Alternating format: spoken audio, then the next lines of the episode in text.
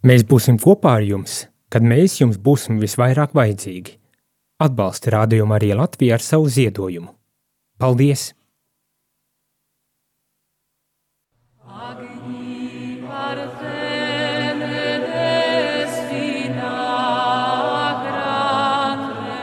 Ēterā raidījums Filozofijas stunda gudrības sēdeklis.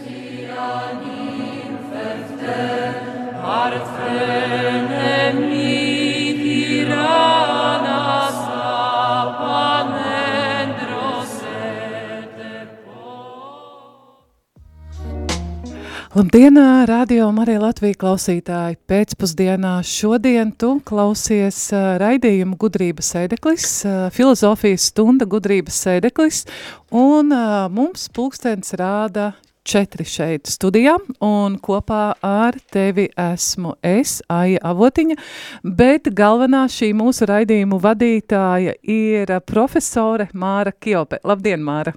Labdien, lai slavēts Jēzus Kristus. Mūžīgi mūžo slavēts un droši tuvāk pie mikrofona. Jā, jā, labi. Radio klausītāji, uh, tu saprati, kad uh, decembrī neizskanēja raidījums, bet nu esam ar tevi atkal kopā tagad uh, janvāra mēnesī līdz maijam, līdz sezonas noslēgumam, bet uh, mums vēl ir vēl kāds brīvprātīgais Agitam, kas mācās apskaņot raidījumus un tomēr arī nedaudz iesaistās uh, ar saviem jautājumiem raidījumus raidījumā. Labdien, Agita! Labdien! Jā, ir jāmācās runāt ēterā. Bet uh, arī, ja tev ir kāds uh, jautājums radio klausītāji, tad es nosaukšu tālruņa numuru šeit studijā, uz kuru tu vari rakstīt savu īziņu. Un tas ir 266 77 272. Tad uh, vēlreiz tālruņa numurs 266 77 272. Mēs šīs dienas tēmu izvēlējāmies tādu pavisam vienkāršu Nīča. Dievs ir miris. Tas ir tāds populārs teiciens, mm. kas ir ļoti, nu, diezgan bieži ir sastopams vai nu kādās filmās, vai grāmatās, vai kādos uh, raidījumos.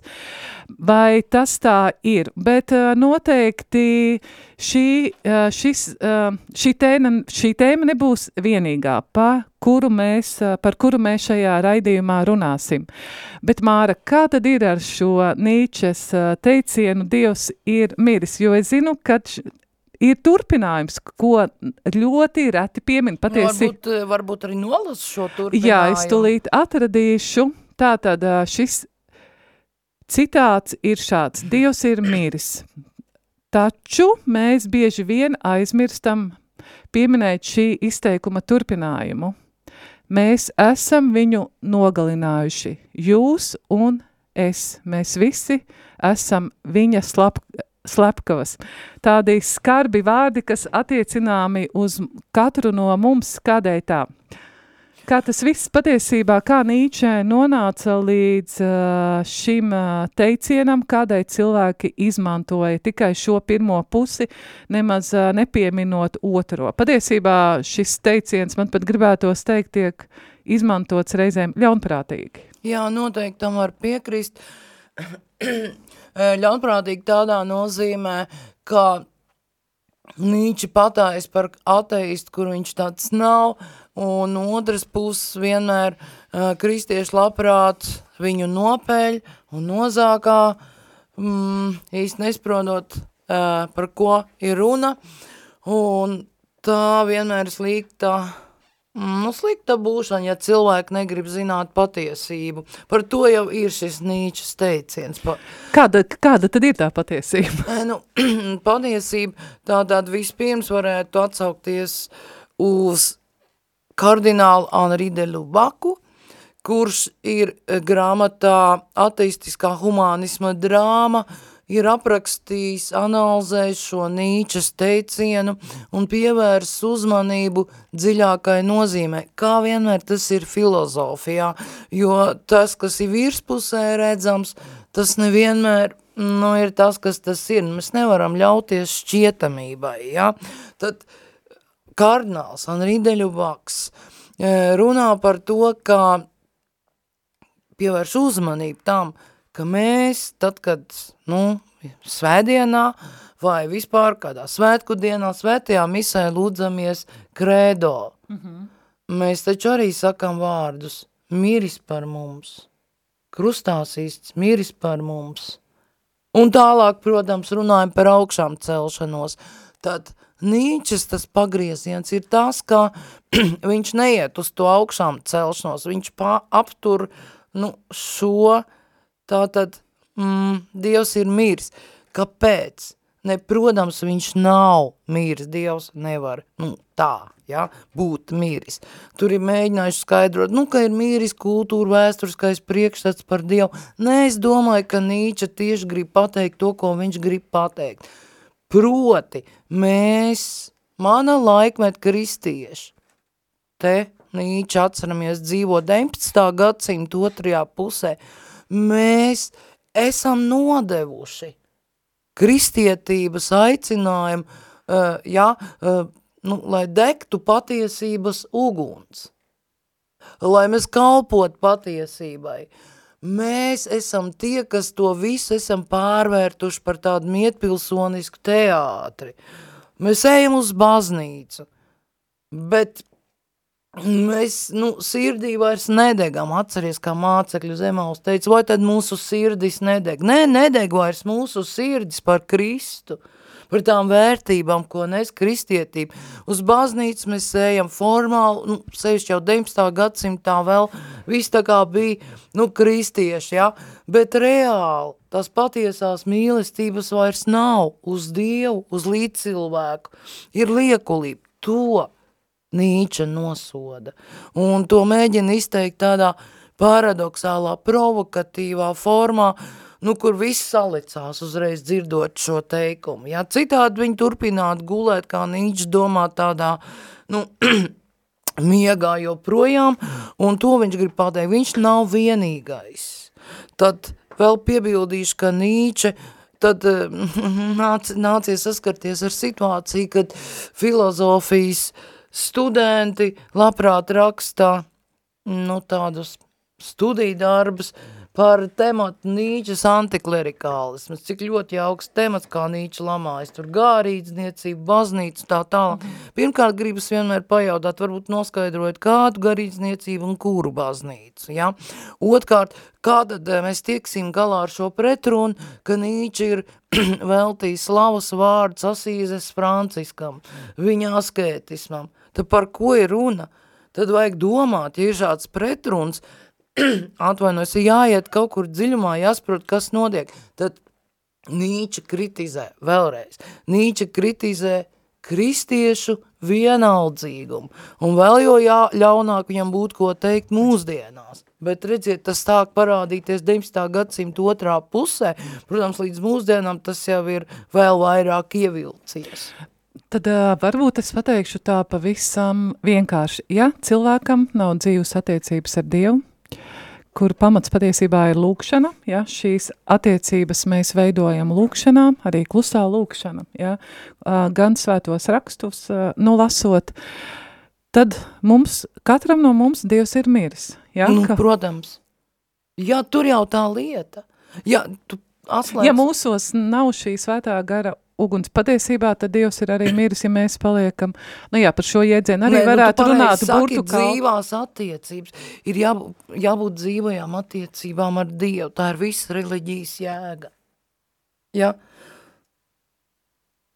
Tad kādēļ, izmanto, kādēļ vēstures gaitā ir izmantot šis teiciens? Dievs ir miris, jo, manuprāt, tas ir ļoti ļaunprātīgi, jo, kā es teicu redzījuma sākumā, es arī patiesībā, pirms es nesāku ar tevi par šo te runāt, jā, biju lasījusi, te noteikti to palaid garām, jo tas pats sākums ir ļoti iespaidīgs un tu tikai redzi to, gandrīz vai gribās teikt, jā, un tādu kaut kādu uh, Nu, zini, tā kā mūsdienās uh, tu atvērsi to rakstu uh, vaļā internetā, ja meklējot, kuram būs tāds spilgts nosaukums, jā, ja tālāk pat neiedziļinoties, jā, un pat, uh, jā, tas varbūt tam rakstam pat nekādu vērtību Bet ko nav. tu domā ļaunprātīgi izmantots, kā nu, tu tad, domāji?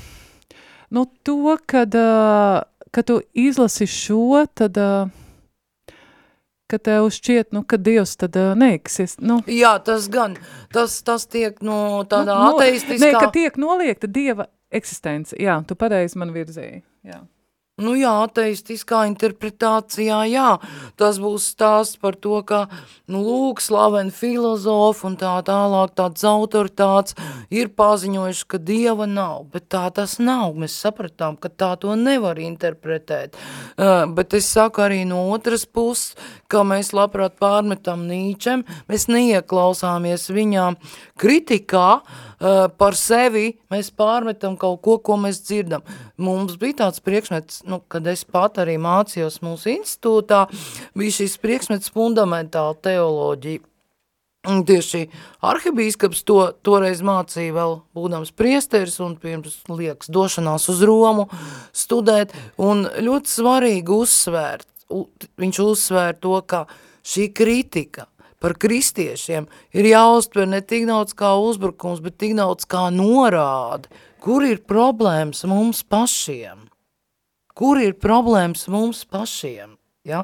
Un šeit ir tās, mēs nevēlamies patiesību, mēs ne, nevēlamies ieguldīt pūles, lai izzinātu patiesību, vai tas neatiecas arī uz mūsu laika biedriem, tepat Latvijā, uz mūsu draudžu locekļiem. Tas neatiecas.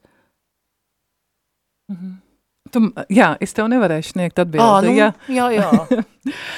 Bet, uh, Māra, varbūt, lai skan uh, mūzika nedaudz, un tad uh, pirmā tevis izvēlētais, uh, izvēlētā kompozīcija, tā ir dziesma. Mārtiņa Brauna dziesma ar Jāņa Petera vārdiem mīli ir kā uguns. Kāpēc viņi izvēlēt? Tāpēc, ka tomēr mēs pieminam barikāžu laiku, uh, Un toreiz šī dziesma bija viena no tām, nu, kas bieži skanēja radio, jo tā sajūta bija tāda, jā, ka, nu jā, mums visu var atņemt, bet mīlu nē.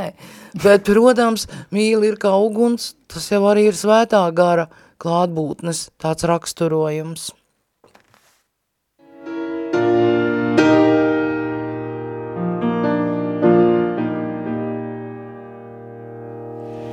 We love.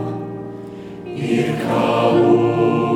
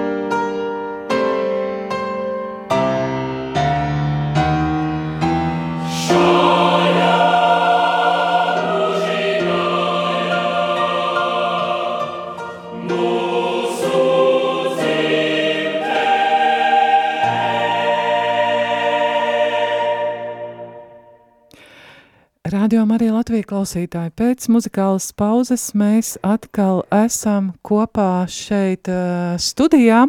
Tu klausies raidījumu gudrības uh, sēdeklis, un uh, kopā ar tevi šeit esmu Esāja Avotiņa, bet šī raidījuma galvenā vadītāja ir uh, Māra Kiope, profesora Māra Kiope, un sveicinu tevi šeit studijā. Paldies, ka tu esi kopā ar mums, un tad turpinām šo sarunu. Tad mēs iesākām par šo Nīčas teicienu, Dievs ir mīris, kuram uh, patiesībā ir turpinājums, uh, kur tiek uh, teikts, ka mēs viņu paši esam nogalinājuši. Bet vai viņš bija pats pirmais, kas izvirzīja šo domu? Nē. Vai varbūt tu vari pat noprecizēt šo jautājumu? Nē, faktiski runa ir par to, kā 19. gadsimta otrā pusē sekulārisms tik tiešām pieņemas spēkā, jeb tāda, nu, pilnīgi kultūras, kā lai pasaka, pasauliskošana, atraušana no kristīgām saknēm, no baznīcas, jau bija sasniegus zināmus rezultātus, kad sākās tādā kultūras dekristianizācija, jeb apzināta cīņa ar kristietību kultūrā. Jānis Pāvils II runā savā darbā pārkāpjot cerības slieksni pār 17. gadsimtu kā sākumu tādai apzinātai cīņai pret nu, kristietību kultūrā, kristietības izspiešana, jā. Kāds bija iemesls, kādēļ šo, šī cīņa aizsākās tad? Varbūt tā nedaudz neliela atkāpi. Nu, šī cīņa Vai... aizsākās faktiski tāpēc, ka ar idejām tādām, ka vienkārši nu, varbūt tās vajag kaut kā pret baznīcu cīnīties un pret garīdzniecību un pret ticību, ar to jau nepiediek ar tādiem ļaunprāšiem, vajag, lai viņi kļūtu organizēti. Un tad, kad veidojas organizācijas, kas ir antikristīgas un grib pārņemt vāru, tad, tad tas aizsākās. Tad arī uh, bija šie notikumi, kad franču enciklopēdis tā saucamajā apgaismības laikmetā, vai kā man patīk to nosaukt, aptumsības laikmetā, sagatavoja uh, lielo franču revolūciju, kas uh, tātad, nu, nesa daudzus, daudzus, kā saka, upurus, tur giljotinē neskaidāms priesteris, klostermās, ticīgos, un tad radās šī ideja par to, ka baznīca ir šķirt no valsts, lai varētu atņemt baznīcas īpašums un ar tiem izrīkoties, un faktiski tā ir pilnīgi tūkša ideja, ja? jo tas, nu, Nu, kā, nu paklau, arī suņko biedrība un filatēlis biedrība šķirt no valsts. Nu, un tad tas ir runa tikai par valsts varas un baznīcas varas nodalīšanu. Mūsdienās, piemēram, Latvijā to bieži vien izmanto, saka, pie mums baznīca šķirt no valsts neuzdrīkstieties vispār atvērt muti, izteikt savu viedokli, bet nekā nebija. Ja tie laiki pagājuši, par kuriem kardināls Vaivots rakstīja, ka mēs varam runāt tikai tik, cik no ambons līdz tām izejas durvīm rādīja uz baznīcas izejas durvīm. Ir eh, tādi paši pilsoņi kā visi citi ticīgie, ir eh, kaut kādi svarīgi jautājumi, baznīca vēlas runāt, viņi to saka, ja? Un nevajag, nevajag šo te, tas viss ir tāds, nu, mākslīgs veidojums. Tad franču apgaismības laikmets, tad uh, jau sāk tās attīstiskās idejas daudz vairāk izplatīties. Nu, 19. gadsimta otrajā pusē jau ir sasniegt zināms rezultāts, attīstās dabas zināms, veidojās, nu, Darvins izdomā savu evolūcijas teoriju, kas faktiski domāt kā, nu, paralēlā reliģija. Uh, Augists Konts izdomā arī zinātni kā reliģiju, aicina nomainīt kalendāru, tur, kur ir svētie, kā mēs to zinām, aicina tur ielikt visādi zinātnieku un rakstnieku vārdus. Tas nemaz nav tik smieklīgi, jo šī mm, reliģija, piemēram, Brazīlijā, nu, viņiem ir, viņa karogā, tas, ja, kārtība un progress, tas ir, nu, Augusta Konte, kā zinātnes, filozofijas un reizē reliģijas sauklis, ja, un diezgan daudz tieši konta sekotāji ir, nu, Brazīlijā tā ir vesela reliģija, paralēlā, parareliģija, Freida, psihoanalīze, praktiski, un, un kur arī tā idejā tiek tūliņ pa, vispasaules biedrības veidots pa visu pasauli psihoanalīzes izplatībai. Uh, jēga ir, nu, paralēlā reliģija mācība par dvēseli, kas nav saprotam kā garīgs substants, kā tomismā. Psihi ir tikai kā smadzeņu darbības rezultāts, un viss par cilvēku ir skaidrs, viņam ir tikai šī viena seksuālā dziņa, kas nosaka visu, ar to tiek izskaidrots pilnīgi viss, un idejas pašas par sevi nekād nu, viņas tā nevar izplatīties, tur ir vajadzīgas organizācijas, ja, un tāpat arī marksisms, ja, tur eh, tās idejas, kas tika paustas, teiksim, komuniskās partijas manifestā, viņas tā arī palikt kaut kur, ja nebūtu, bet tās bija, tās tika organizēt šis, nu, e, marksisma studiju pulciņi visās rūp, visādās rūpnīcās, padomā pats neloģiski kaut ko tādu kā politekonomija, lai apgūtu parastie darba ļauts 19. gadsimtam šārprāts. Nu, tātad tiek organizēt, vienmēr idejas iet kopā ar kaut kādu organizatorisko spēku. Ja? Nu, beig beigās arī pozitīvā veidā, taču tiešām pieminēja tās barikādas, nu ir taču arī tā, kā tiešām bija tas organizatoriskais spēks, tautas fronte, un, un kas vadīja, kas organizēja, bez tā nevarētu to neatkarības ideju, ja viņi tur gaisā lidoja jau 50 gads, un kas par to, ja? Tad, tad bija vajadzīgs vienmēr, eh, nevajag ļauties tādai ilūzijai, nu, kā idejas tā kā, nu, tā kā līdinās pa gaisu, un tas viss, ja idejas ir jāvirza, Viņas tiek virzīts organizators, kas ir labas idejas, tās arī ir jāvirz, piemēram, piemēram, pontifikālās universitātēs, tomistu pulciņos, nu saprot man doma. Un lūk, šai 19. gadsimtā, lūk, ir Feyerbacha materiālisms, ateisms, kurš skaidro, uh, Ziniet, jā, es jums pateikšu, kas ir Dievs. Dievs ir mūsu nespēka personifikācija, tad Dievu nav, bet cilvēks ir nespēcīgs, bet viņš vēlas būt vissvarens. Un tad viņš izdomā tādu tēlu kā Dievs. Nu, tur ļoti viņi gandrīz mm. laikbiedra ar Nīču. Tad uh, ir, nu, protams, šī dabas zinātnes triumfs, ko cer dabas zinātni, ka ar dabas zinātni varēs aizvietot reliģiju, jā. Ja? Eh, tā jābūt jaunai reliģija, arī zinātne tiek faktiski 19. gadsimta otrā pusē padarīta par reliģiju. Ja? Un tagad viņi ir reliģijas statusā, tad pēc zinātne neko nedrīkst iebilst. A, kāpēc? Zinātne ir ļoti tālu vēl no, tām, no tā viss, kas ir filozofijā un kas ir reliģijā atklāts jau, ja? Bet lūk, un Nīče, bet ne viņš viens. Dānijā ir filozofs, Sērens Kirkegors, ko uzskata par eksistenciālismu aizsācēju Eiropas filozofu. Jā, varbūt paskaidro šo vārdu eksistenciālisms tā īsi. Īsi sagot, tātad eh, filozofija 19. gadsimta otrā pusē arī pārstāja būt klasiska, kā līdz šim risināt tāds, nu, ļoti abstrakts jautājums, pievērš cilvēka eksistencei.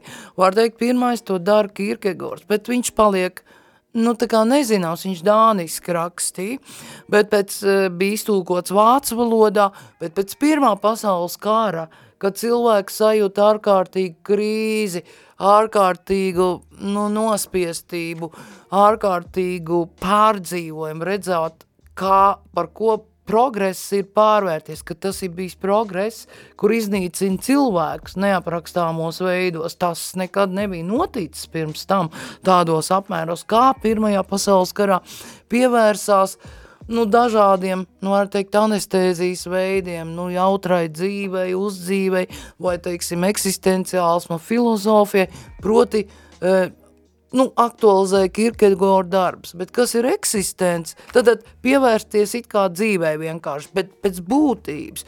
Kierkegaardam vārds eksistents ir ļoti dziļi, nu, akvīns toma nozīmē. Eksistēt nozīmē būt, nevis vienkārši vilkt savu, nu, Nu, nevis tā vienkārši eksistēt. Ja? Jā, tas piemērs ir tāds, metafora ir tāda, ka, cil, nu, ka lūk, zemnieks brauc ratos, ko velk zirgs, un zemnieks ir piedzēries, viņam grož rokās, bet viņš jau neko neuztver, bet zirgs viņu vienkārši aizved līdz tām mājām. Nu, tad tā nav eksistence. Un ļoti daudz cilvēku dzīvi līdzīgi šai. Vai kā teica arhibīskaps Vanaks kādreiz, ja, viņš teica runā, šķēpas lauž par to, kāda būs dzīve pēc nāves, bet es aicinātu padomāt par dzīvi pirms nāves. Ja? Nu, tas ir tās, tā ir eksistence. Ja? Tad tev ir jādzīvo atbilstoši tam, kāda ir Dieva iecer par tevi, kādam ir jābūt cilvēkam. Ja? Tev nav jābūt tam pusā, pus, nu, apdulušam zemniekam, kas neko nesajēdz, kaut kā novelk to dzīvīt, ir eksistēt, nozīmē būt, būt pilnā mērā saskaņā ar Dievu ieceru, eh, kā cilvēkam un tieši kā arī kā individuālam cilvēkam, kas esam katrs mēs. Un Kirkegors ir bišķiņ cits nekā Nīčs, nu stipri cits, jo Kirkegors arī raksta, nu kā lai pasaka, tādus katehēdiskos rakstus dāņu, nu, dāņu luterāņu avīzēm un, un viņš ir liels filozofs, viņš raksta filozofiskās esejas, kas liek cilvēkam pārdomāt. Temats tās pats, kas Nīčem. Ļaudīs mēs esam aizmirsuši par Kristu, par dzīvo Kristu, par patiesību. Un tāpēc Nī, Nīčs atvainojas. Kirkegors cenšas rakstīt savus filozofiskos darbus tā, lai cilvēks viņus nevar mierīgi lasīt tā, nu, sildās čīvās, tur dzerot tēju, lai viņš tiek tā kā ierauts, ja, tajā, piemēram, par Ābraham upuri. Bet kāds ir Kierkegaard variants savu laikmetu cilvēkiem, un es teiktu arī savā ziņā mūsu laikmetā to var lietot. Viņš saka, nu, ir vairākas cilvēka apziņas stadijas. Sākumā cilvēks tā kā estētiska apziņas stadija, tā viszemākā, prot, ka tu vēro. Estētika tas ir vērojums. Vai tu nekamā nepiedalies, tas uz mani neatiec, tu vēro, ja? Pēc tam tomēr var būt ētika, ka tu tomēr, nu, tā kā ieņem kaut kādu pozīciju cīņā starp labo un ļauno, bet arī tas ir nepietiekam. Maksimums ir ticība. Un šeit ir viņa darbs, eh, nu, kā daži kolēģi tulko mirstam kaita vai slimību uz nāvu. Kas ir tā mirstam kaita? Neticība. Neticība. Lūk, mana gadsimta saka Kirkegors, ne, uh, mirstam kaite. Un ko darīt? Viņa priekšlikums ir tāds, veikt absurda lēcienu. Kāpēc absurdi? Tāpēc, kad cilvēkam tiek piedāvāts, tu nezini, tu nezini, kas ir Dievs, bet paļaujies, viņš ir, sauc uz viņu, lec, ja? lec viņa rokās. To viņš sauc absurdu lēciens, tas ir viņa piedāvājums, ko varētu arī šodien daudziem teikt, neklausies muļķības, ka Dieva nav, ka par to interesēs tikai, nezinu, veci ļauza, neklausies. Lēc izdara šo varonīgo rīcību, izdara šo absurdu lēcienu un uh, sauc uz Dievu, viņš tev atsauksies. Jā, jā. Par Fjodoru Dostojevski. Jā, tu minēji divus uzvārdus – Kirkegors un Dostojevskis. Dostojevskis arī kritizē sava laika Krievijas sabiedrību, tieši viņas religiozitāti, kas ir kļūst par māņtecību. Bet uh, Dostojevskim tas ir jādara ļoti uzmanīgi, jo Tātad šeit ir tā cariskā patvaldība ir saugus ar pareizticīgo baznīcu, kurā notiek ļoti daudz kas, un Dostojevskis arī ļoti labi zina, kas tur notiek, uh, ja nerunājam par tiešām svētiem cilvēkiem un īstiem ticīgiem. Un kā viņš to mēģina risināt, darbā romānā Brāļa Karamāzov, viņš parā izspēlē to ainu, kur tas jaunākais brālis Aļoša, kurš, nu, ir tāds kā dievticīgs un iet pie tā Gerontas vai pie tā, nu, kā mēs teikt, ja, pie tā gudrā vecajā, uh, un tas tagad nomirst, un viss taču uzskata, ka viņš ir svēts, visi ir skrējuši pie viņa, tur lūguši ūdeņus svētīt, un nu, tā kā pie mums lieldienās, ja, un nes ko darīt, un viņš tagad nomirst, ir viss pārliecināt, ka, viņam, ja, ka viņš ir mīris svētums lavā. Un tad, zini, kas notiek svētums lavā, kad mirst atver zārka vāku un smaržo pēc rozēm, ja. Viņa atver trešā dienā zārka vāku, un nu, viņš smird. Mm -hmm ja, viņ, viņ, viņš ir līķis, sabojājis, tad ka, par ko ir tur runa? Ja? To arī vajag saprast, vajag saprast šo kontekstu, Dostojevskis saka, ir 50 gadi apmēram palikuši līdz 17. gada bolševika revolūcijai, ja? Viņš saka, izbeidziet, izbeidziet nodarboties ar māņtecību, izbeidziet meklēt kaut ko citu, meklējiet dzīvo Kristu.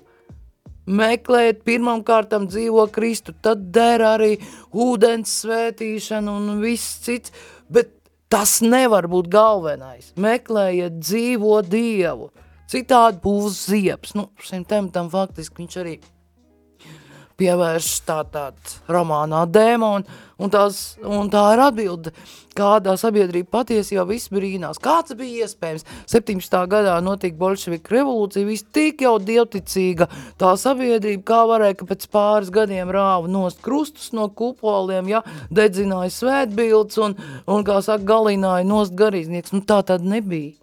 Tā tad Dostojevski jau 50 gadus pirms tam redzēja, ka nav riktīgi, ka ir ārišķība, ka ir farizeisms, ka nav patiesas nu, mīlestības uz Dievu. Iesim atkal nelielā muzikālā pauzē. Māra, nākamais uh, gabals, ko tu esi, nu, jā. Nākamais gabals ļoti labi saslēdzās ar tikko runāto tas ir, nu, jā, attiecās uz bolševiku valdīšanu Krievijā un tās turpinājumu tagad, bet tas ir tātad Ukraiņu piekarpatu tautas dziesma, bēru dziesma, pelt pīlīte pa tīšu. Kas tas ir? Tā ir upe, kas iztek no Karpat upes apmēram 230 km tek pa Ukrainu, pēc tam 600 km pa Ungāriju. Jā pa, pa Ungāriju, un e, viņa tātad lielākā kreisās puses pietek Donavai. Un šeit es gribu pateikt tomēr, par ko tur ir mm, dziesma, tad, tad, tas ir sens tēls, kā pētnieki saka, kā tiek atē, nu, nāves metafora, ja tātad, ka pīlīti pelt pa upi, un tas eh, karavīrs faktiski saka, māmiņa nerāja mani šanī tumšā stundā, es pats nezinu, kur es iešu bojā, kas man apreks, vai tev nebūs žēl, un nu, tā māmiņa atbild, kā lai nebūtu žēl dēliņa, es taču tev zem savas sirds esmu nesājus. Un tā dziesma tika aktualizēta 2014. gadā, pieminot Maidana notikumos nogalinātos Ukraiņus, un tagad tā, protams, ir dziesma, ar kuru izvada nu, Ukraiņu karavīrus kritušos. Zalaješ mi v zlu hodinu.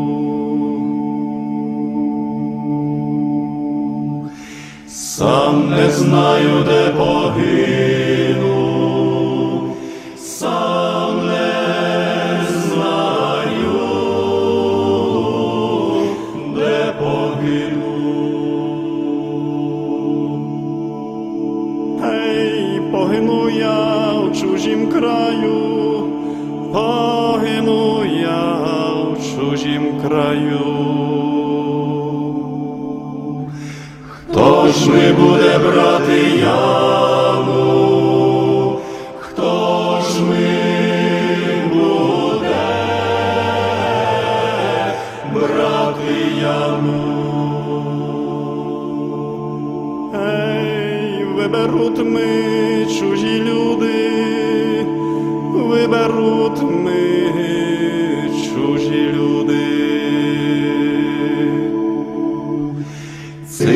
жаль ти, мамко, буде, ці не жаль ти,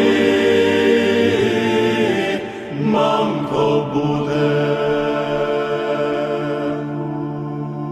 Гей, якби ж мені, синку, не жаль, якби ж мені,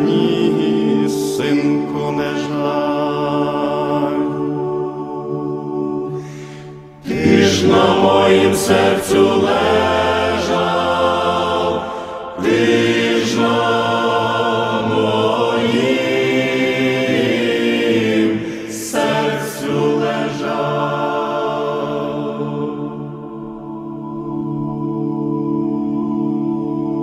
Ей, плине качав по тисині, плине качав Отисині.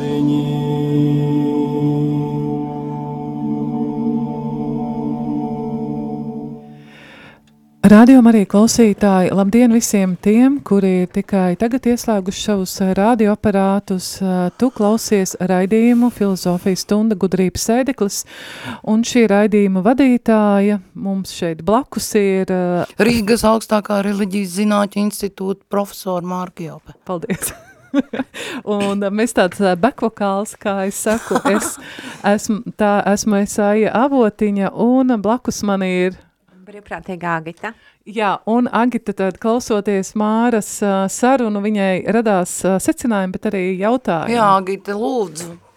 Jā, mans radās secinājums, vai tiešām, vai tiešām tā ir, ka tehnikas un zinātnes attīstība ir veicinājusi šo attālināšanos no Dieva nu, kā, kā... Jā, jā, e, tā, tā jau tā lieta, kāpēc arī tā kultūras vēsturnieki, filozofi, kāpēc viņi pievērš pētī šo 19. gadsimtu un, nu, faktiski pētī ģenealoģiju, no kurienes šodienas stāvoklis veidojas, ja?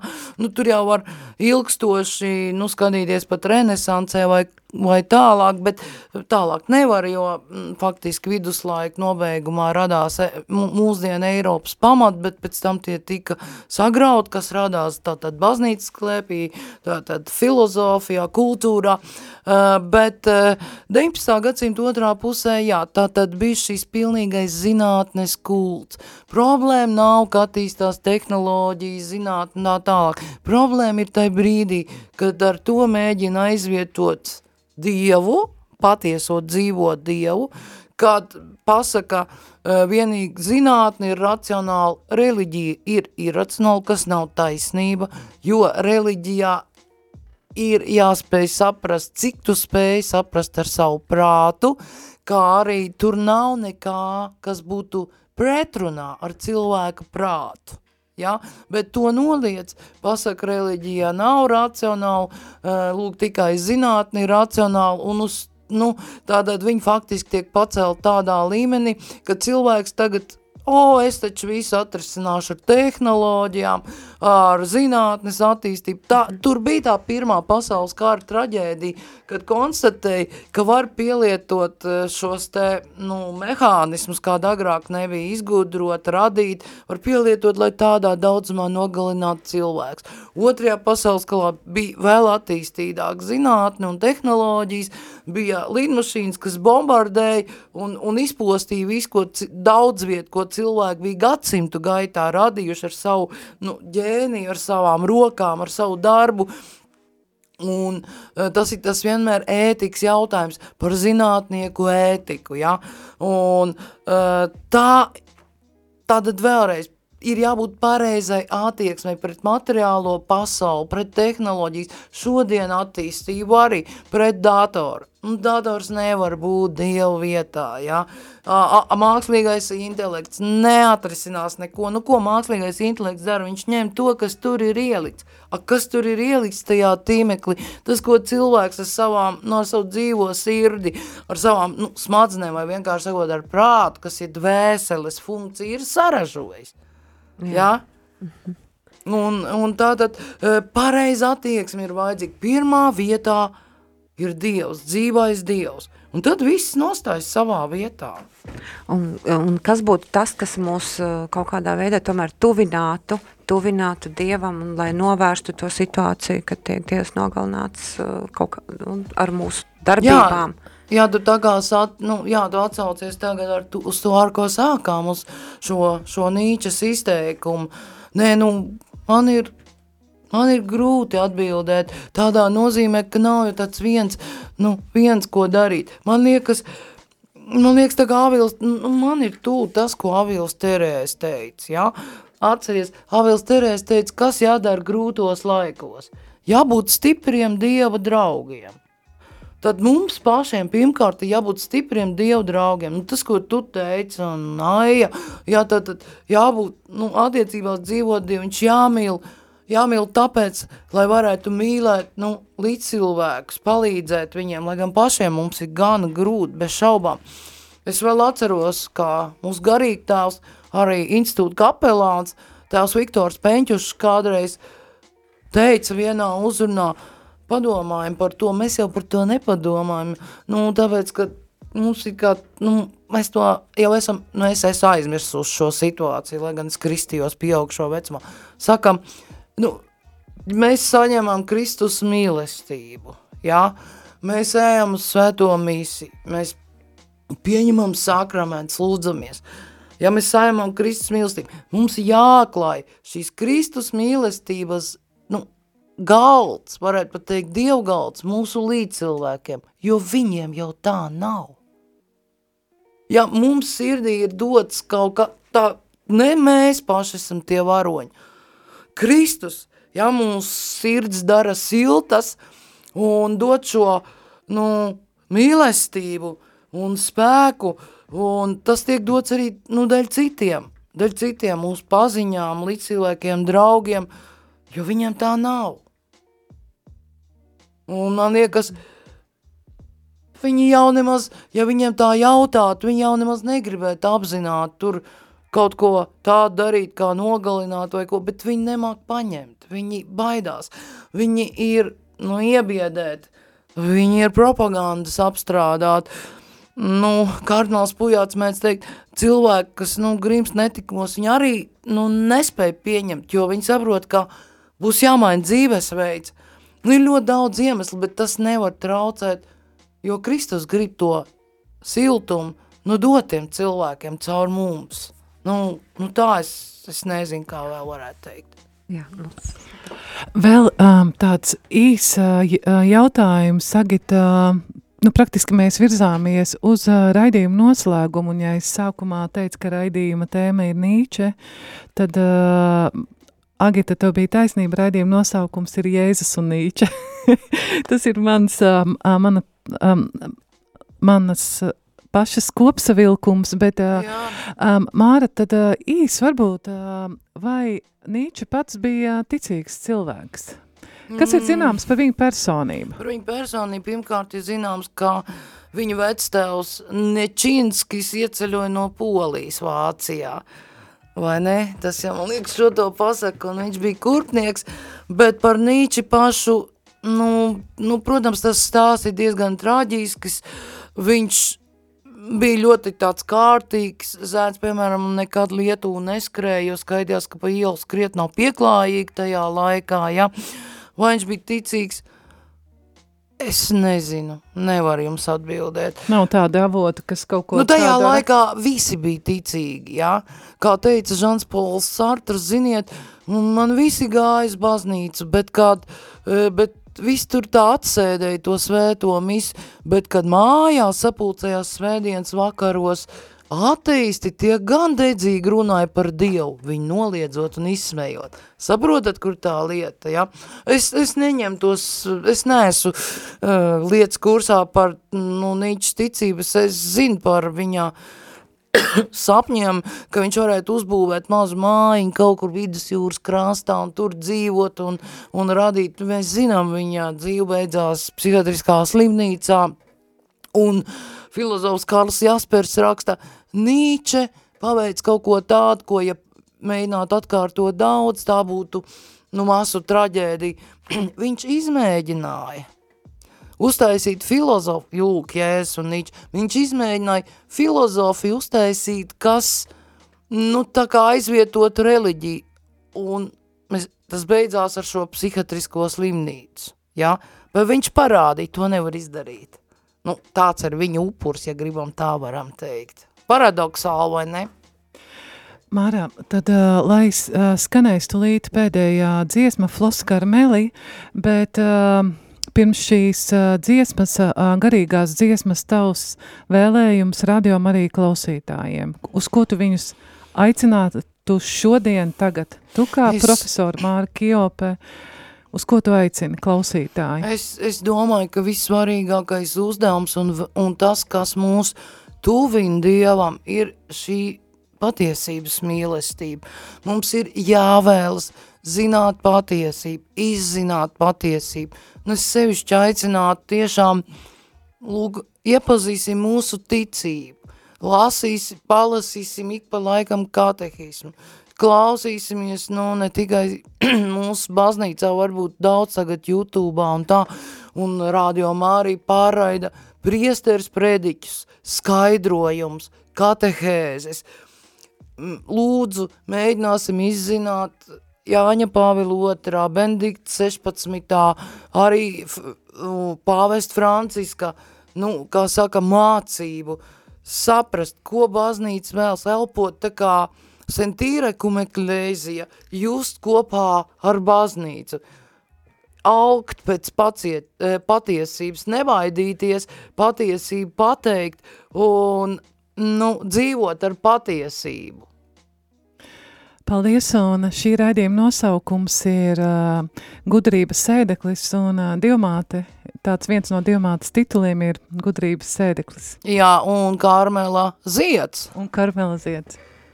Nos cameli, nitis lomiger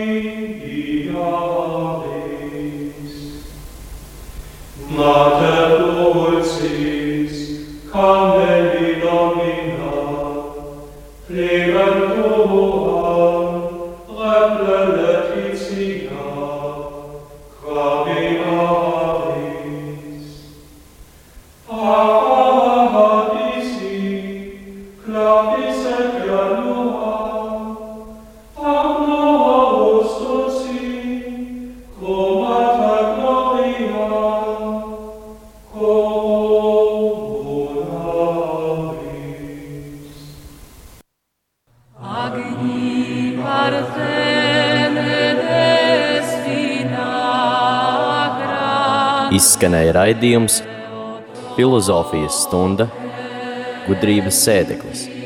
To vadīja filozofijas doktore Māra Kiope.